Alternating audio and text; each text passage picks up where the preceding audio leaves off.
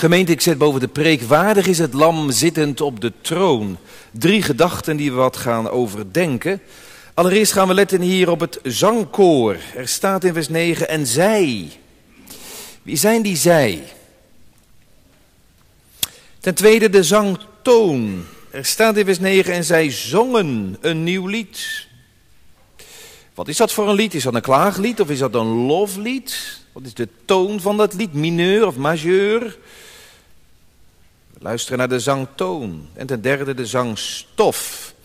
Er staat in vers 9 en vers 10. Ze zingen, u bent waard, o lam van God, want u hebt vanwege zijn daden, u, hebt, u bent geslacht, u hebt ons gekocht en u hebt ons tot koningen gemaakt. Dat is de zangstof, wat Jezus heeft gedaan. Hij is geslacht, hij heeft ons gekocht en heeft ons tot koningen gemaakt. Waardig is het lam zittend op de troon. Drie gedacht, zangkoor, de zangtoon en de zangstof.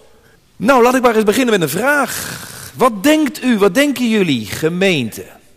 Wat wordt er meer gedaan op deze wereld of in, in het heelal? Wordt er meer gevloekt of meer gebeden? Denk je dat de Heere God meer wordt geheiligd of meer wordt Nou, het antwoord is eigenlijk makkelijk te geven. Wij denken eigenlijk dat vloekers en spotters, die zijn veel meer dan bidders en zangers. En toch hebben we het mis. Gods naam wordt meer geprezen dan gevloekt. En Gods naam wordt meer geloofd dan bespot. Als je tenminste de hemel erbij rekent, zoals we gelezen hebben in Openbaring 5. Prachtig hoofdstuk, een prachtig tafereel waarin we vanmorgen mogen letten op die hemelzangers. En niet alleen de 24 oudsten, maar we hebben gelezen in vers 12 ook die tienduizenden, tienduizenden engelen en in vers 13, alle schepsel in de hemel, op aarde, onder de aarde, in de zee, alles wat adem heeft in dit hoofdstuk, loof de Heer. Ja, als je het zo bekijkt, dan zijn er toch meer hemelzangers dan Godvloekers. Prachtig dat openbaring 5 uh, begint met een hemelstafereel. Voordat in openbaring 6 en 7 al die verschrikkelijke rampen op aarde zullen komen en worden uitgestort. Johannes beschrijft het. En daar zullen we ook in de loop van de komende tijd ook, ook, ook, ook, in kruipen en, doorgaan. Maar hij begint met een gezicht wat geweldig veel troost bevat. Johannes zit op het gevangeniseiland Patmos en hij mocht zien, u weet het nog wel in openbaring 4, hij mocht zien die troon, hij mocht die deur binnen van de hemel, hij ziet die troon, hij ziet die regenboog. Hij ziet mensen, hij ziet verloste zondaars, hij ziet engelen, hij ziet kleuren, wit en rood en groen. Hij heeft heel en hij ziet het lam en een boekrol. En dat boekrol zit dicht. En wie mag nou op die hemelse troon, wie mag de hemelse troonrede gaan houden? Wie mag dat boek openen en voorlezen? Hoe loopt het met deze wereld af? Nou, daar hebben we allemaal over stilgestaan. En nu vanmorgen niet wat Johannes ziet, maar wat hij hoort. Wat hoort hij daar in de hemel? Nou, we zijn begonnen te lezen bij vers 6. Hij ziet dat lammetje, eigenlijk een verkleinwoord, een lammetje staat er. Met die snee in de hals en dat bloed. En die neemt de boekrol aan uit de rechterhand van hem die op de troon zit, van God, de Almachtige God. En op het moment dat dat lam dan dat boekrol overneemt en aanneemt, het komt van vaderhanden in doorboorde handen van Jezus te liggen. Het eigendomsrecht van de wereld, de toekomst van deze planeet, aarde en van het heelal. Op dat moment gaat het daveren en juichen in de hemel. Alles en iedereen. En dan zie je dat het een aanzwellend koor is. Het begint met 24 oudsten. En dan die vele miljoenen engelen die, die, die instemmen. En dan alle schepselen. Nou, het wordt, het wordt steeds groter en luider en krachtiger. En dat allemaal rondom de troon, rondom Jezus. Hij wordt verheerlijkt, aangebeden en groot gemaakt. Eén groot loflied op het lam. En waarom? Eén groot loflied op het lam en dan wordt Golgotha herinnerd. In de hemel, op de troon in de hemel, wordt Golgotha zichtbaar door die halskerf. En dat bloed wat eruit stroomt, die wond. In de hemel wordt Golgotha zichtbaar. In de hemel is ook Pasen voor eeuwig zichtbaar, want het lam staat. In de hemel is ook de hemelvaart zichtbaar, want hij, dat lam heeft zeven horens. En die horens, dat, zijn, dat is een beeld van kracht. Zeven is volheid van kracht. Hij is gegeven alle macht.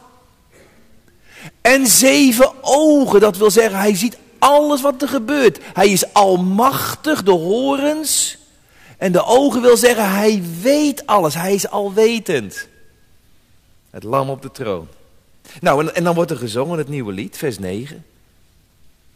Waarom een nieuw lied? Wat was dan het oude lied? Nou, hoofdstuk 4 was het oude lied. Het lied op de schepper. God de schepper. hoofdstuk 5 is een nieuw lied. De schepping, de zondeval, en toen werd het lied verstomd, en toen kwam de ruis, en toen kwam de dissonantie, en toen kwam er kakofonie, en toen ging het allemaal mis. Maar in hoofdstuk 5 het nieuwe lied, dat niet op God als schepper, maar op Jezus als verlosser, bevrijder. In hoofdstuk 4 zagen we het lied op God de schepper. De kronen werden aan zijn voet gelegd. En hier in hoofdstuk 5 gaat het over het lied op Jezus als de verlosser. En dan worden er over harpen gesproken. Ik vind het mooi, een nieuw lied, een loflied op het lam. En ik ben blij dat er heel veel liederen zijn. Kijk, psalmen, die zijn prachtig hoor. Maar dat je nou specifiek een loflied zingt op het lam, dat heb je niet in de psalmen. En daarom ben ik blij met lofzang en geestelijke liederen waar je dat nou weer wel hebt. Ik ga er een paar noemen waar dat lam nou in centraal staat. Ik denk aan dat bekende lied, Hem zij de glorie, want Hij die overwon, zal nooit verlaten wat zijn hand begon. Halleluja, geprezen zij het lam. Dat doen ze in de hemel, Loflied op het lam en we mogen het hier op aarde in de gemeente ook al doen. Het lam bezingen, bewonderen, bejubelen, aanbidden. Of ik denk aan dat bekende gezang in de oude bundel van 1938. Halleluja, lof zij het lam die onze zonde op zich nam, wiens bloed ons heeft gereinigd. We zijn begonnen vanmorgen met de dienst, uw heilige godslam loven wij. En misschien vind ik wel het mooiste lied dat is het lied van Hillsong. Van Darlene, met die moeilijke korte achternaam. Worthy is the Lamb. Zittend op de troon. Hoog verheven voor altijd. En dan zegt de Engelse vertaling, die vind ik wel heel erg ontroerend. Jesus, Son of God, the darling of heaven crucified. De lieveling van de hemel gekruisigd. Ja, waardig is het lam. Dank u voor het kruis, Heer. Dank u dat u stierf voor mij. U droeg al mijn schuld en pijn, nu ben ik rein. Uw liefde was mij schoon. Nou, daar gaat het over hier. Dat doen ze voor zijn troon en dat mogen we hier beneden al een beetje instuderen, oefenen, zingen, meezingen. Muziek is een geweldig iets eigenlijk. Uh, harten die eigenlijk niet meer bereikt kunnen worden. Door de preek van de dominee. Het gaat allemaal langs je heen. Kom niks meer binnen. Die harten die kunnen soms door een lied breken. Hebben jullie een lievelingslied? Dat je zegt, als, ik, als, als ze dat opgeven, dan krijg ik een beetje een brok in mijn keel. Ik denk bijvoorbeeld aan Psalm 68, vers 10. Gelooft zij God met diepst ontzag? Nou, er zullen hier vast ook enkele mensen zijn die zeggen: ja, als, ik dat, als we dat met een volle kerk zingen en ik zing dat mee, dan moet ik altijd denken hoe mijn vader overleed, want daar is hij mee overleden. Daar ging hij mee de hemel in. Een herinnering. Op Psalm 43, dan ga ik op tot Gods altaren. Op Psalm 42, die bekende, die zegt: ja, dat doet wat met me muziek. En ik ben blij dat de duivel niet het laatste woord heeft in de muziek. Dat zou je wel denken. Als je naar radiozenders en tv-zenders kijkt, die duivel die heeft de muziek als een geweldig middel om heel veel jonge luizen macht te krijgen en mee te slepen naar het verderf. Maar God heeft het laatste woord in de muziek. In de hemel is muziek, er zijn harpen en er worden liederen gezongen. Mooi is dat, hè? In muziek, dat is eigenlijk nog meer dan een preek. Muziek is eigenlijk, eh, een lied is eigenlijk een, een, op verhoogde toon. Op verhoogde toon, dat is meer. Dat is meer. Iets van de naglans van het paradijs zit daarin. Ja. Iemand heeft wel eens tegen me gezegd, dit. Dominee, sorry voor u, maar er worden meer, mensen de hemel in gezongen dan in gepreekt. Wel een nadenker. Iemand zei eens tegen mij, als ik op een ziekbed of een sterfbed kom, dan heb ik meer aan de bundel voor Johannes de Heer dan de dogmatiek van Kesten. Ja, daar zit wel wat in. Die liederen die hebben kracht. Wonderbare kracht. En vooral het lied op het lam. Nou, de eerste gedachte is de zangers. Er wordt gezongen. Maar wie zingt er nou eigenlijk, als je goed leest? En zij. Slaat op vers 8, dat zijn de 24 ouderlingen. En die 24 ouderlingen, dat was een beeld van de verloste zondaar in het Oude Nieuwe Testament, in de hele kerkgeschiedenis. Alle verlosten die geleefd hebben vanaf Abel, vanaf Adam, Abel, tot en met nu. Al die verloste zondaars, dat is, dat is de kerk van twee keer twaalf, u weet het nog wel, hè? twaalf apostelen, twaalf stammen Israël, de kerk en Israël, samen de verlosten. En die zingen, die zingen. En die zingen ook als enige. Hebt u gezien dat uh, die engelen, die zingen eigenlijk helemaal niet. Nou, we zeggen dat of zingen dat nog wel eens zo, eh, maar, maar het is niet waar. Als je goed kijkt, er staat in vers 9, en zij zongen. Die 24 ouderlingen, de verlosten. En in vers 12, dan gaat het over die engelen, die zeiden, die zingen niet, die, dat zijn spreekkoren. Die skanderen, als de soldaten, als van het, het hemels legermacht. Die skanderen het. Die brengen hem hulde, maar er staat niet het woord zingen. En alle schepselen in vers 13, ik hoorde hen zeggen. Maar weet je wie er zingen in de Bijbel? Dat zijn alleen verloste zondaars. Die zingen.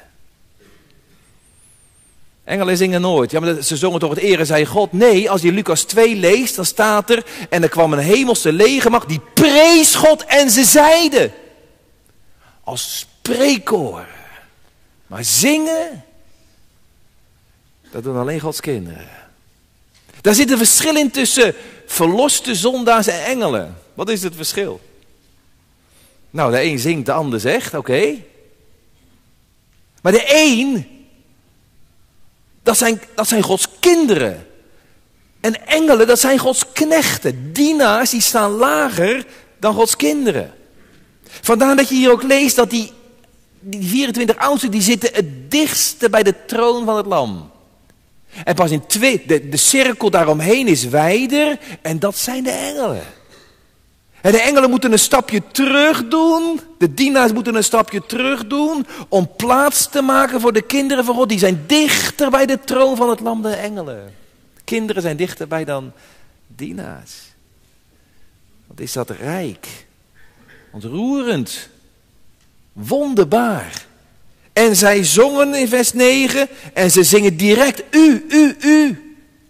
Maar de engelen die zeggen hem, hem, hem. Die spreken over hem. En de verlosten die zingen rechtstreeks tot hem. Ze zingen zuiver en schoon. We zitten hier niet in de kerk, we, zitten hier, we zijn hier in de hemel. We zitten niet in de concertzaal, maar in de hemelzaal. En er wordt zuiver en schoon gezongen, maar er wordt ook warm en blij gezongen. Grote thema is het kruiswerk van het Lam van God. Diep en rijk. En ik ga nog wat vertellen gemeente, als je dat goed leest, dan zie je dat de engelen op een gegeven moment zwijgen en dat de verlosten gaan zingen. Want engelen die kunnen niet zingen, die kunnen niet spreken over, over de verlossing. Over het bloed. Want ze zijn niet gevallen. Maar zondaars, gevallen zondaars, verloste zondaars, die mogen delen in het bloed. Engelen die mogen het bloed van Christus bewonderen. Engelen die hebben de Heer Jezus gesterkt in het lijden in Gethsemane. Maar wij mogen de Heer Jezus danken voor zijn lijden. Omdat we in dat lijden, in dat sterven, in dat bloed, in die verlossing mogen delen. Vandaar dat verloste zondaars meer reden hebben om God te loven en te prijzen dan engelen. Engelen prijzen hem omdat hij een schepper is. Engelen mogen vol bewondering staren op het bloed, maar wij mogen delen in dat verlossende bloed. En dan klinkt dat uit die miljoenen kelen daar in de hemel, die 24 oudsten, die hele grote schaar die niemand tellen kan. Daar klinkt het. U bent waard om te ontvangen. Engelen zwijgen, verloste zondaars zingen. Eén grote paasliturgie zien we hier eigenlijk. Je hebt dat wel eens zo in de, in de, in de gemeente, hè? Als er dan een paasliturgie is of een kerstliturgie, dan zingen we eerst met z'n allen en dan zingen de mannen alleen en dan zingen de vrouwen alleen. Nou, de kinderen die mogen er tussendoor een beetje kijken, kijken of ze meezingen. Maar mannen alleen, vrouwen alleen, dan met z'n allen, dat, dat is een beetje hier gaande. Eerst spreken de, eerst zingen de verloste zondaars, dan spreken de engelen en dan iedereen, alles wat adem heeft. En gij mijn ziel, of gij hem bovenal. Zo zegt Psalm 103 dat. Gij, mijn ziel, looft gij hem boven al. Ik begon met de vraag van, zou er nou meer geloofd of meer gevloekt worden? Nou, stel je voor dat er nou helemaal geen kerk meer zou zijn in Goes. En dat er geen enkel psalm lied gezongen zou worden in Nederland of op de hele aarde. Alle kerken gesloten zouden worden. Nou, dan zou het nog waar zijn dat God troont op de lofzangen van de hemelingen. Want dat gaat daardoor. Engelen stem, maar ook mensentong, ook mensentong. Gij mijn ziel looft gij hem bovenal. Begrijpt u dat gemeente, waarom David dat zegt? Ik heb boven alle anderen heb ik reden om de Heere te loven en te danken en te prijzen. Ik bovenal. Ik heb eens gelezen van de jonge Spurgeon, de prins der predikers in de 19e eeuw. Die was zo verbaasd. Hij was nog vrij jong toen hij, ja, was 15 jaar, toen hij omgezet werd, toen hij tot bekering kwam. En hij was zo verwonderd, en hij, was hij ging ook al vrij vroeg preken. Hij was zo verwonderd en zo dankbaar dat hem zoveel genade en liefde van de Heer ten deel gevallen was, heel persoonlijk. Mij te beurt gevallen.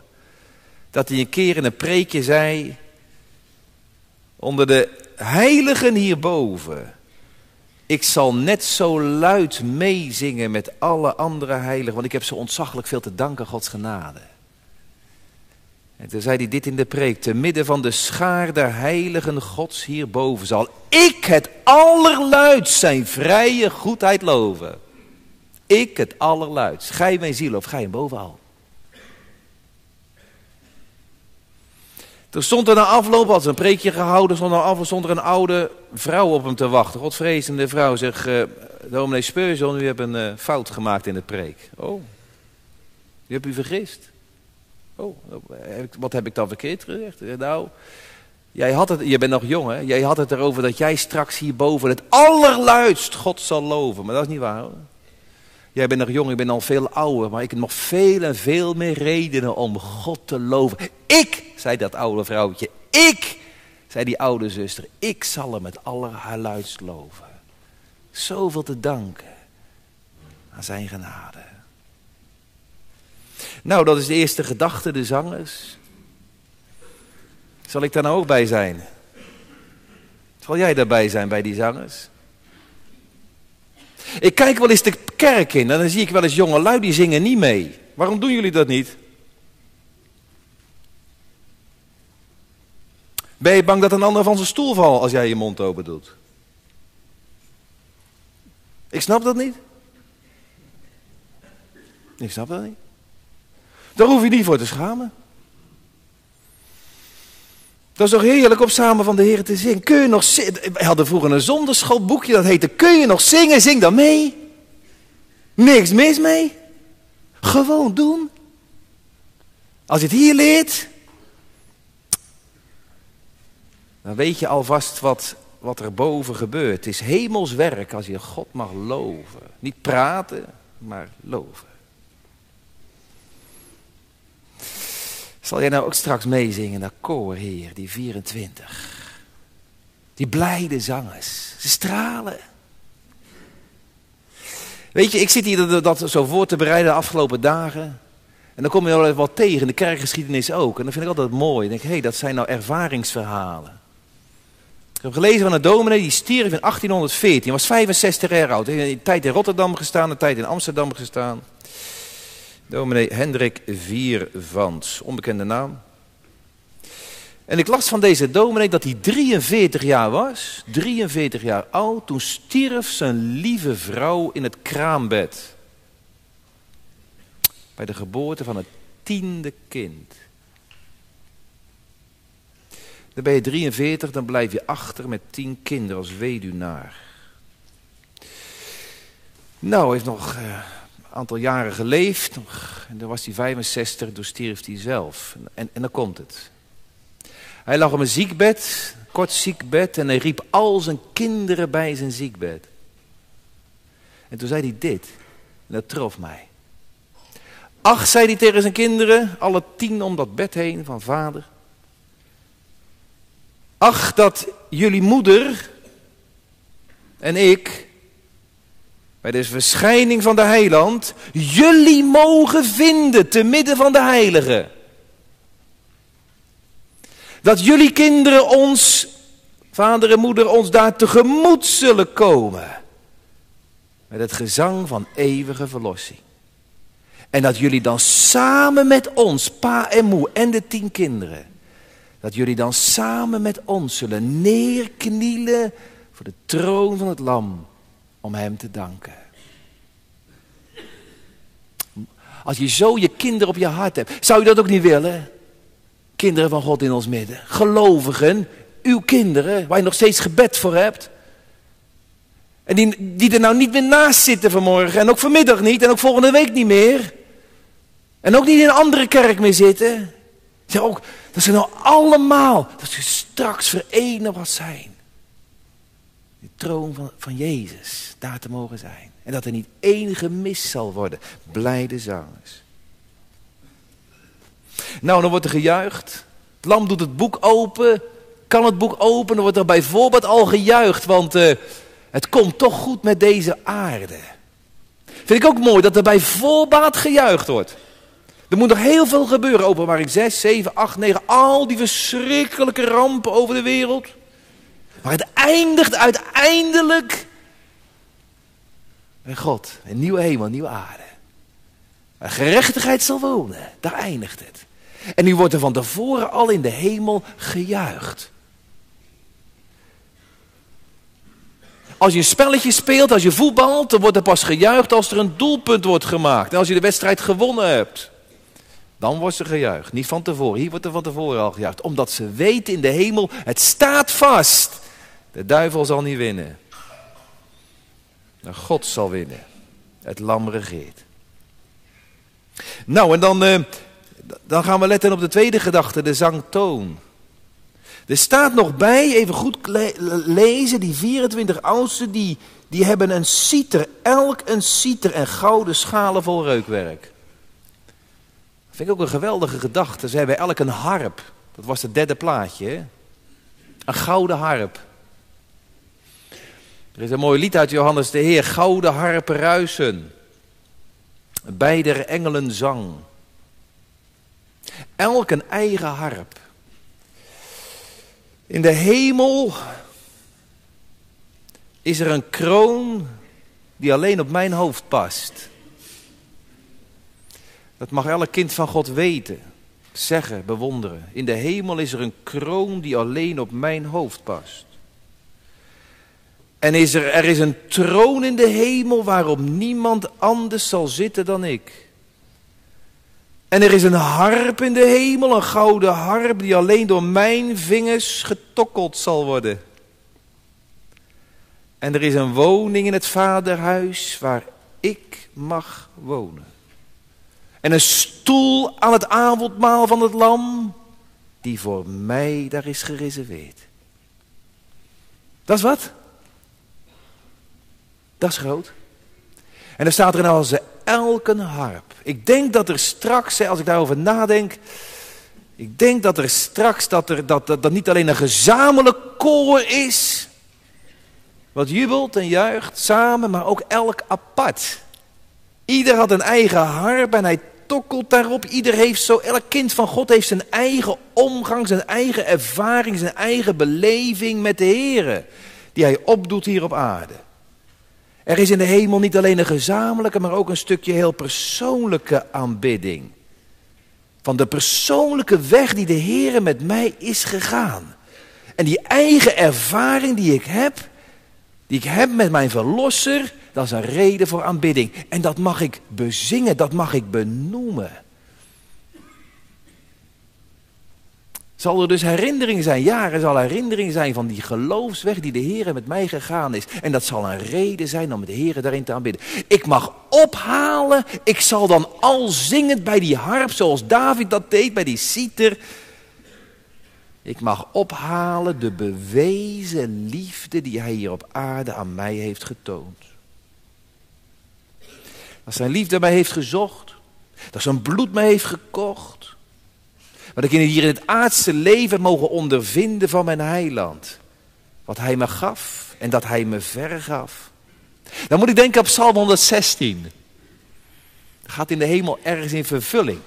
Ik zal liefde en lof voor u ten offer brengen in het heiligdom in de hemel waar het, het volk, het al het verloste volk vergaderd is. En dan zal ik al zingend en tokkelend op mijn harp zal ik dan mogen, hoog mogen opgeven. En anderen zullen het horen. En ik mag weer naar anderen luisteren, zo stel ik me dat voor. Als ik mag bezingen en bejubelen wat die, wie de Heer voor mij is geweest. We zullen onze ervaringen, ik denk dat nou maar zo hè. Ik denk dat nou maar zo. Ik geloof dat ik er niet ver naast zit. Dan zou ik het natuurlijk niet tegen u zeggen. Elk met een eigen hart. Dat we zo onze eigen geestelijke ervaringen, wat we hier op aarde eigenlijk al te weinig delen.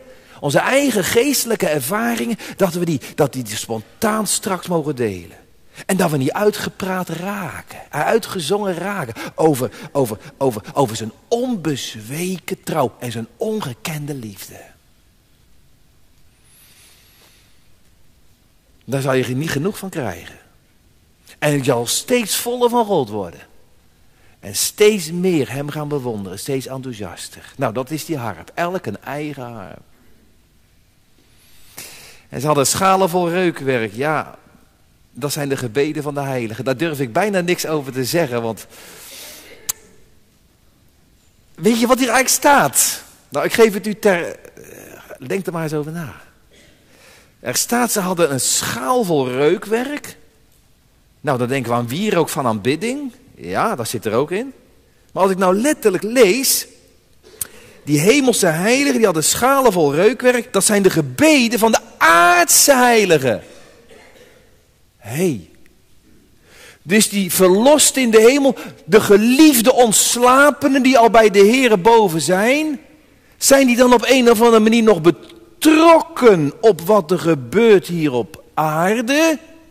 Ja. Ja. Maken ze zich nog zorgen? Nou, dat mag ik natuurlijk niet zo zeggen. Maar dat er een band is tussen de triomferende kerk en de strijdende kerk en de leidende kerk, dat geloof ik zeker. Dat geloof ik zeker. U kent die tekst. We hebben een wolk van getuigen rondom ons. Laten we daarom de loopbaan lopen. Daar zie je die aardse strijders, Gods kinderen hier op aarde, leidend, strijdend. En er zit een hele grote tribune in de hemel. Dat zijn degenen die al boven zijn, die de strijd te boven zijn, die al aangekomen zijn. En die kijken wat er hier op aarde gebeurt. Er is meeleven van boven met de strijdende kerk, met de geloofsweg van de mensen hier op aarde. Kinderen van God hier op aarde. Ik geloof vast en zeker. En niet alleen een meeleven en een voorzingen, maar er is zelfs ook die gebeden die hier opgezonden worden. Ik, ik, ik, ik, zie het graag zo voor me. Sorry dat ik een beetje stamel, maar het, het is ook wel heel verheven. Ik zie het graag zo voor me dat die hemelse heiligen zijn betrokken op een of andere manier. Dat ze met die schalen vol reukwerk van onze gebeden, natuurlijk de Heer Jezus bidt, maar zij doen er ergens ook wat mee. Nou, daar, moet u maar eens over nadenken. U mag het ook uh, niet mee eens zijn, maar je moet die tekst toch uitleggen. Ik vind het ook wel een bemoedigende gedachte. Onze geliefde ontslapen die bij de Here zijn, die moedigen ons aan, die slaan ons schade. En, en, en, en, en met die schalen vol reukwerk, met onze gebeden, die bieden ze als het ware aan aan het lam. Wat is het de toon van het lied, de zangtoon? Een loflied. Zullen we alle 150 psalmen in de hemel nog zingen? Nee, natuurlijk niet. De helft zingen we daar zeker niet meer. Ik heb mijn tranen onder het klagen tot mijn spijzen dag en nacht. Dat zal je in de hemel toch echt niet meer zingen hoor. Want die tranen zijn niet meer nodig en, en zeker niet dag en nacht. De klaagliederen in de psalmen, die zijn gelukkig, die blijven allemaal af. Hier is het een loflied, een aanbiddingslied. Dat woordje aanbidding ziet u ook terug in vers 14. En ze aanbaden hem. Weet u wat het verschil is tussen danken, prijzen en aanbidden? Dat is het verschil in. Danken, dat is... Kinderen, wat is danken? Nou, je krijgt een cadeautje van opa en oma. En dan zeg je, wat zeg je dan? Dank je wel, oma. Dank je wel, opa. Geef oma een kus. Dank je wel. En dan kijk je naar oma en je kijkt eigenlijk nog meer naar het cadeautje. Want het cadeautje vindt toch wel erg leuk. Danken, dat is zeg, ik ben zo blij met de gift. Dank je wel. Dat is danken. Weet je wat loven is? Dan ga verder, een stapje verder. Loven, of prijzen, dat is dat je niet alleen kijkt naar de cadeau wat je krijgt. Wow, maar dat je kijkt naar de gever. Dat ik dat van u krijg. Oma, dat vind ik zo fijn dat u dat geeft. Je kijkt niet zozeer naar de gift. Ja, je bent wel dankbaar voor die gift. Maar loven, dat we zeggen, wat geweldig dat u dat aan mij geeft. Dat is God loven. Dat je niet alleen maar bedankt voor dagelijks brood, kracht en gezondheid. Maar je zegt, dat u dat nou aan mij geeft, Heer. Wat bent u een geweldige God dat u zoveel geeft aan mij. En je kijkt niet naar je cadeau, je kijkt naar hem. Dat is loven, dat is prijzen. En nu gaan we nog een stapje verder. Danken, dat is één. Loven, dat is twee. En aanbidden, dat gaat nog verder. Wat is aanbidden? Aanbidden, worship. In het Latijn staat het woordje adoreren, adoreren, vereren. Dat wil zeggen, dan ga je helemaal op in wie God is in zichzelf. Los van wat hij geeft, los van wat hij wel of niet doet, los van eigen voordeel of eigen belang. Maar je gaat als het ware, je wordt verslonden, je gaat op in wie hij is. Hoe groot en hoe schitterend bent u. Hoe rijk, hoe genadig, hoe liefdevol. Dat woordje mij zeg je niet meer, ons zeg je eigenlijk ook niet meer. Je gaat helemaal op in die grote, prachtige, heerlijke, genadige, liefdevolle God. Nou, dat gebeurt in de hemel. De zangtoon is majeur. En weet je dat dat best moeilijk is? Pre, preesavond, worshipen. Dat is best lastig. Danken. Ik heb een vraag aan de kinderen. Bidden zonder danken, is dat moeilijk? Nou, dat valt wel mee toch? Bidden zonder danken, dat is natuurlijk niet goed hè. Maar dat kan wel, heren, wilt u dit en wilt u dat? Wilt u vandaag, wilt u morgen, wilt u volgende week? Je vraagt heel veel dingen, dat is vragen, dat is bidden. En je vergeet de heren te danken, ja. Weet je wat moeilijker is? Danken zonder bidden. Dat is echt moeilijk. Dat je de Heer alleen maar dankt. Heer, dank u wel dat ik vanmorgen weer op mag staan. Dank u wel dat ik een boterham, dat we weer in de kerk mogen zijn. Dank u wel voor... En dat je, dat je niet zegt van, Heer, wilt u of geeft u vandaag?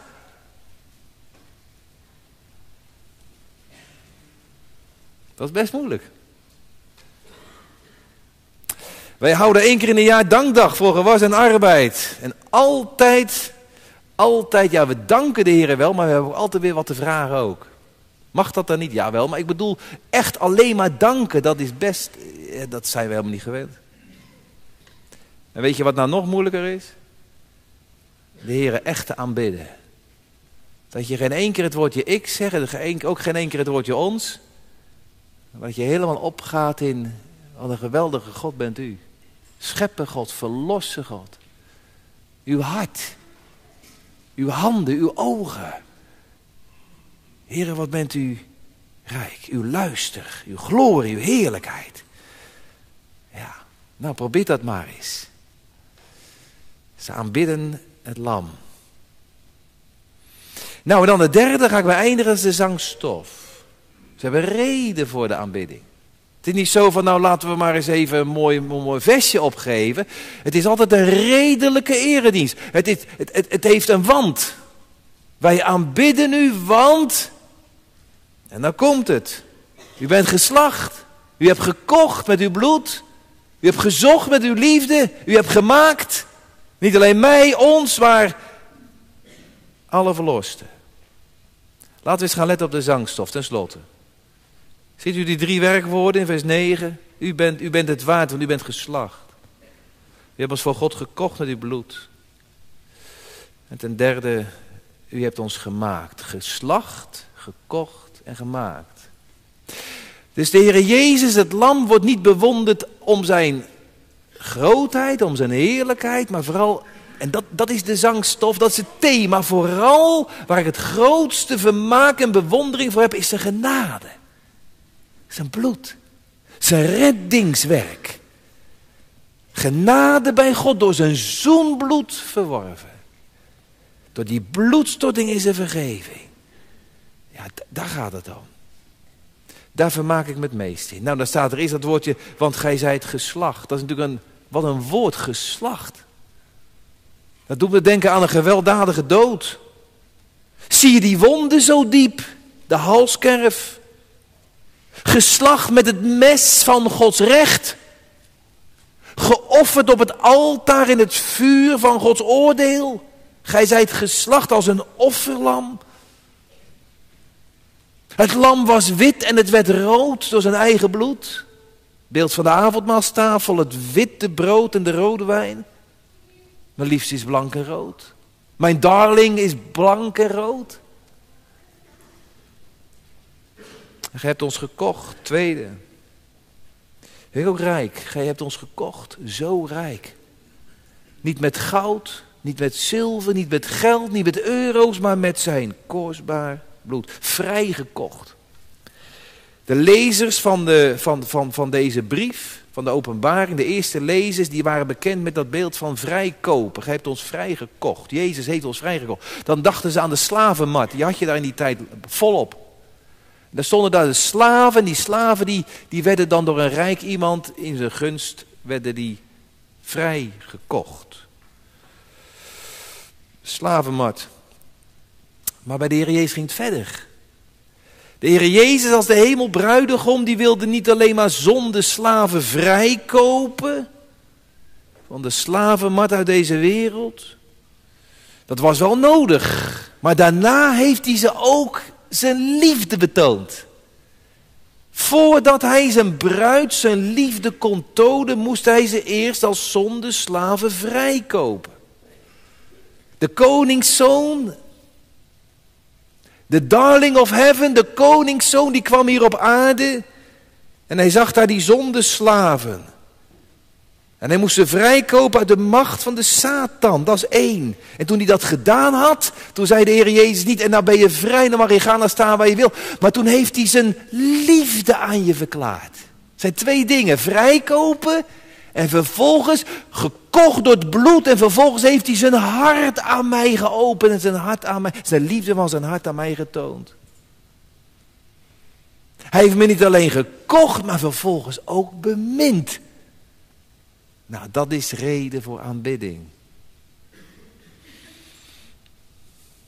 De hemelbruidegom heeft zijn bruid gekocht, betaald en bemind. En dan wordt de bruidsprijs hier genoemd hebt ons voor God gekocht met uw bloed. Dat is de bruidschat. En hoe hoger de bruidschat, in die tijd natuurlijk, hoe hoger de bruidschat, hoe meer de bruid voor de bruidegom waard is. Hoe, hoe, hoe hoger die zijn schat. Nou, als nou die bruidschat zijn kostbaar bloed was, zoveel had hij ervoor over. Duur gekocht, duur betaald. Zoveel is de bruidsgemeente hem waard en ons gekocht door uw bloed. Ja. Ja. Ik was in het ziekenhuis in Rotterdam. En uh, daar was iemand net geopereerd. En uh, nou, ik, kwam en uh, er was een infuus aangebracht. En zo'n slangetje. En daar zat geen, geen, geen, geen daar, daar, daar, daar kwam bloed doorheen. Een soort bloedtransfusie. Nou, ik zat daar even en toen ging het mobieltje af. De broer van de patiënt belde. En ik zat er, mag ik even bij blijven zitten? Ja, prima, dus hij belde. Het eerste wat die patiënt zei, en dat vond ik wel typisch. Hij zei, Piet, weet je, een broer, Piet, ik hang aan bloed. Piet, ik hang aan bloed. Ja. Dat doen ze hier in de hemel ook.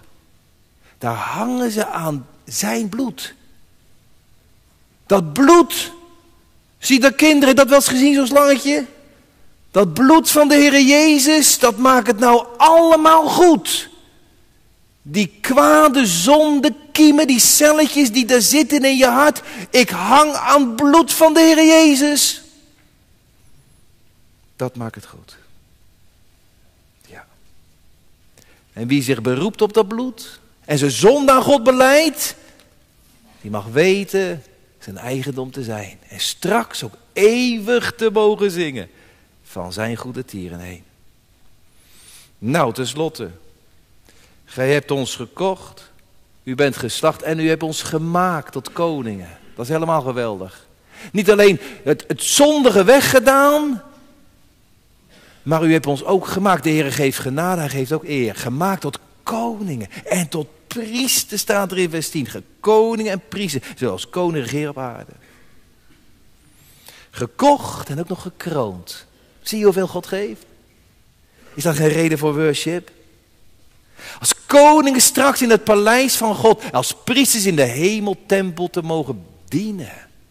Reine priesters en majesteitelijke koningen. Hij heeft mij als zondaar verheven in de hemeladel, in de hemelstand, in de priesterstand, in de hemeladel, die mij ere zij aan hem wiens liefde ons bevrijdt van elke smet, bloedtransfusie. Ere zij aan hem die zondaars in de rij van koningen zet. Hij heeft gekocht en gekroond. De Heere vergeeft en hij verheft. Wat een zegeningen. Nou, begrijpt u gemeente dat er hier aanbeden wordt? Een grote schare die niemand tellen kan. Uit elke geslacht en volk en taal en natie. Ook kinderen. Ook kinderen. Ook kinderen. Mannen, vrouwen, Nederlanders, Zeeuwen, Griekenland, Mensen met een wit, een blank, een geel, een zwart huidje. Uit elke stam, taal, volk en natie. Er staat niet alle stammen, talen en volken uit alle stammen. Dat, er is toch een uitverkiezing. Er is toch een uitverkiezing. Er is ook een uitnodiging. En mensen die op die uitnodigingen ingegaan zijn, die, die worden zalig. Ook kinderen. Ook kinderen. Daarboven juicht een grote schaar van kinderen voor Gods trouw. Gods. Hele kleine kinderen. Babytjes. Ja. Ja. Ja. Jonge kinderen. Hoe kwamen ze in dat heerlijk oord daarboven? Hoe kwamen ze in dat heerlijk oord? Nou, ze kwamen er zo, ze hoorden Jezus' stem. Ze hoorden Jezus' stem. En ze geloofden in zijn dierbaar woord en ze gaven hun hart aan hem. En die kinderen, die mogen straks eeuwig meezingen. Nou gemeente, een, mooi, een prachtig hoofdstuk, een prachtig hoofdstuk. Ik heb er maar een beetje wat over gestaan, maar ik hoop dat u de smaak te pakken krijgt om het nog eens te lezen, nog eens te lezen. Te graven en te spitten. We hebben engelenkoren horen spreken. We hebben verloste zondaars. Gij hoort in hemelingen. Ja, ik kan, ik kan alleen maar met liederen zeggen. Verloste zondaars zingen. Dat hebben we vanmorgen een beetje gehoord. Verloste zondaars zingen. De gemeente zingt en dan die engelen, die miljoenen en dan de hele schepping uiteindelijk doet dan mee. En dan eindigt het in één groot koor. Alles wat adem heeft, loven de Heer. Ja, het is echt waar. Eens buigt zich ook alles voor Jezus in stof. En als je het nu al mag doen, door genade, door het geloof, mag je straks meezingen. Eeuwig hem groot maken. Wat zal dat zalig zijn. Amen.